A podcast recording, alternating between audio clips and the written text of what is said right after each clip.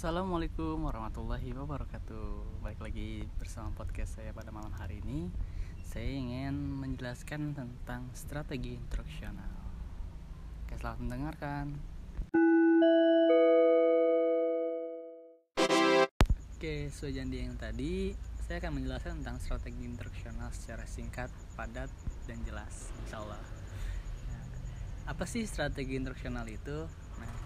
Pengertian dari strategi instruksional itu bisa ditafsirkan sebagai berupa urutan kegiatan instruksional, sering pula dikaitkan dengan metode instruksional. Bahkan ada yang menyamakan keduanya.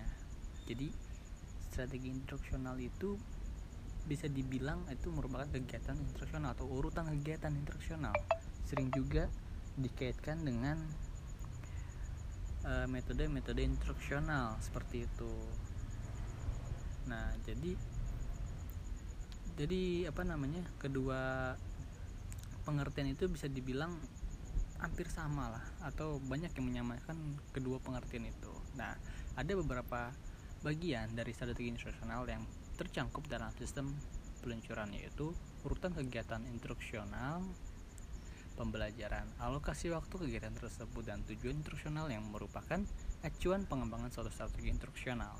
Nah, di sini uh, ini Walker Kolas dan Keller tahun 2005 halaman 226 dalam bukunya menjelaskan bahwa pengertian strategi instruksional dari segi fungsinya merupakan atau sebagai alat atau teknik yang disediakan bagi pendesain instruksional untuk mendesain dan memfasilitasi belajar siswa. Nah, jadi kalau di sini mereka menjelaskan bahwa strategi instruksional merupakan suatu segi fungsinya sebagai berupa berupa suatu alat. Alat untuk apa? Untuk memfasilitasi para desainer desainer instruksional terus tersebut untuk memfasilitasi belajar. Gitu. Jadi mereka mengatakan sebagai berikut. Instructional strategy are tool of technique available to educator and instructional designer for designing and facilitating learning. Begitu itu kata mereka. Nah terus yang selanjutnya apa aja sih metode-metode instruksional itu? Nah di sini di buku ini dijelaskan bahwa metode-metode ini itu sedangkan metode metode instruksional di sini sering pula dikaitkan dengan penggunaan media instruksional itu sendiri. Nah, pengertian ini merupakan suatu pencerminan akan kekurangan komponen tersebut di dalam proses pengembangan instruksional secara keseluruhan. Tuh. Nah, terus apa aja sih komponen strategi instruksional? Nah, komponen yang disebut oleh Dick Carey itu merupakan menunjuk kepada lima tahap kegiatan instruksional. Apa aja? Yang pertama, kegiatan instruksional. Tours, penyajian isi. Nah, kegiatan yang kedua Content presentation Partisipan peserta didik participation, penilaian assessment dan kegiatan tindak lanjut. Nah, keenam tahap tersebut merupakan salah satu bagian dari strategi instruksional.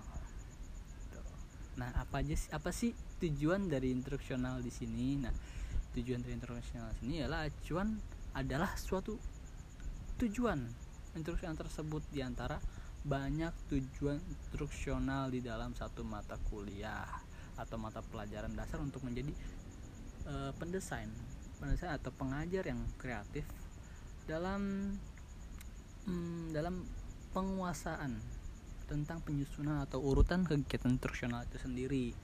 Nah, di sini penguasaan isi, isi atau materi, penguasaan dan penggunaan berbagai metode dan bantuan belajar. Jadi, tujuan instruksional ini merupakan suatu acuan nah dalam di dalamnya itu tujuan dari acuannya ini sebagai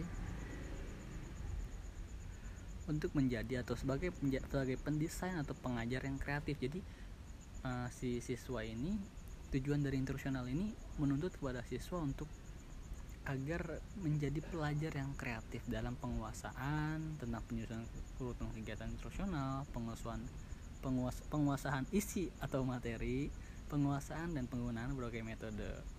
dan bantuan belajar. Nah, penguasaan dan penggunaan berbagai media dan alat instruksional serta kecermatan mengestimasikan waktu belajar dalam satu menit pendesain mempunyai fleksibilitas memilih metode di antara berbagai metode yang dikuasai pengajar sepanjang sesuai dengan tujuan instruksional yang diacu itulah adalah tujuan dari instruksional itu sendiri. Dan penyusunan strategi instruksional nah penyusunan strategi instruksional ini haruslah didasarkan atas tujuan instruksional akan dicapainya sebagai kriteria utama. Di samping itu penyusunan tersebut didasarkan pula atas pertimbangan lain yaitu hambatan yang mungkin dihadapi pengembangan instruksional atau pengajar seperti waktu, biaya, dan fasilitas.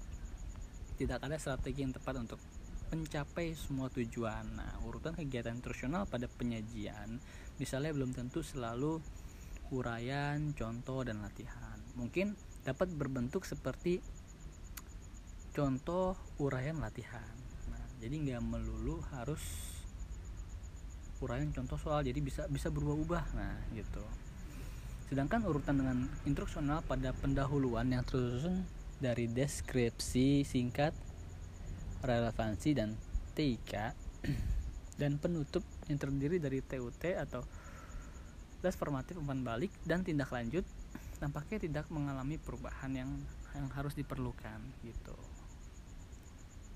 Nah ini hal-hal yang harus diperhatikan dalam strategi internasional apa aja sih? Nah UCL, nah, UCL tadi itu adalah uraian, contoh, latihan. Nah adalah penyajian yang konservatif.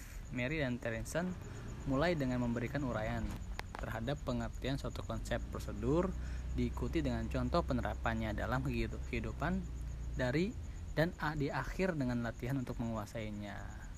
CUL contoh uraian latihan. Nah, di sini adalah penyajian yang dimulai dengan pemberian contoh diikuti dengan uraian tentang konsep, prinsip, prosedur yang terkandung di dalamnya diakhiri dengan latihan. Jadi diawali dengan contoh, terus uraian, baru latihan. Jadi kasih contoh dulu, contohnya seperti ini seperti ini nah uraiannya seperti ini penjelasan atau deskripsinya baru dikasih latihan atau evaluasi strategi ini seperti halnya dengan CLU atau contoh latihan uraian nah secara logis bergerak dari hal-hal yang bersifat khusus kepada yang bersifat umum urutan penyajian ini lebih tepat untuk peserta didik yang baru mempunyai pengalaman sedikit dalam bidang tersebut nah jadi uh, urutan penyajian ini bagusnya buat untuk uh, murid-murid uh, yang masih belum berpengalaman atau masih new experience dalam bidang-bidang yang dia ambil seperti itu. Nah, selanjutnya ada ULC. ULC itu uraian, latihan, contoh. Adalah penyajian yang dimulai dari pemberian uraian tentang konsep, prinsip atau prosedur yang dipelajari. Diikuti dengan latihan untuk menguasai dan akhirnya ditutup dengan contoh penerapan. Nah jadi uh, pembelajaran di sini itu awalnya dikasih uraian dulu. Apa sih konsepnya? Apa sih prinsipnya? Apa sih prosedur yang dipelajari? Nah setelah itu diikutilah dengan latihan atau dengan evaluasi. Nah jadi di evaluasi ini ditanya lagi dia apa sih yang tadi dijelasin dalam uraian itu isinya apa aja? Nah dengan di evaluasi ini dia tahu dan dia bisa mengingat kembali apa yang udah diuraikan tadi yang sebelumnya. Nah di sinilah bisa dikembangkan dengan memberikan contoh-contohnya seperti itu. Nah penerapan apa nah ditutup dengan contoh penerapan apa yang telah dipelajarinya dalam kehidupan sehari-hari. Urutan penyajian ini untuk mengajarkan keterampilan gerak melalui penjelasan, kemudian percobaan melakukan gerakan selanjutnya, baru disusul dengan contoh untuk membandingkan apa yang dilakukan dengan yang seharusnya. Nah, selanjutnya ada yang terakhir ya mungkin ya. LCU latihan contoh uraian. Nah, adalah penyajian yang memberikan kesempatan mencoba terlebih dahulu kemudian diikuti dengan contoh untuk memperbandingkan dan diakhiri dengan uraian atau kesimpulan. Urutan penyajian ini tepat digunakan untuk mengembangkan kreativitas dan keberanian peserta didik menguji ide yang ada pada diri. Jadi di sini itu e, murid itu jadi dikasih latihan dulu atau dikasih suatu misalkan e, dikasih suatu tugas praktek seperti ini. Nah, otomatis si murid ini langsung berexperience dong, ya kan?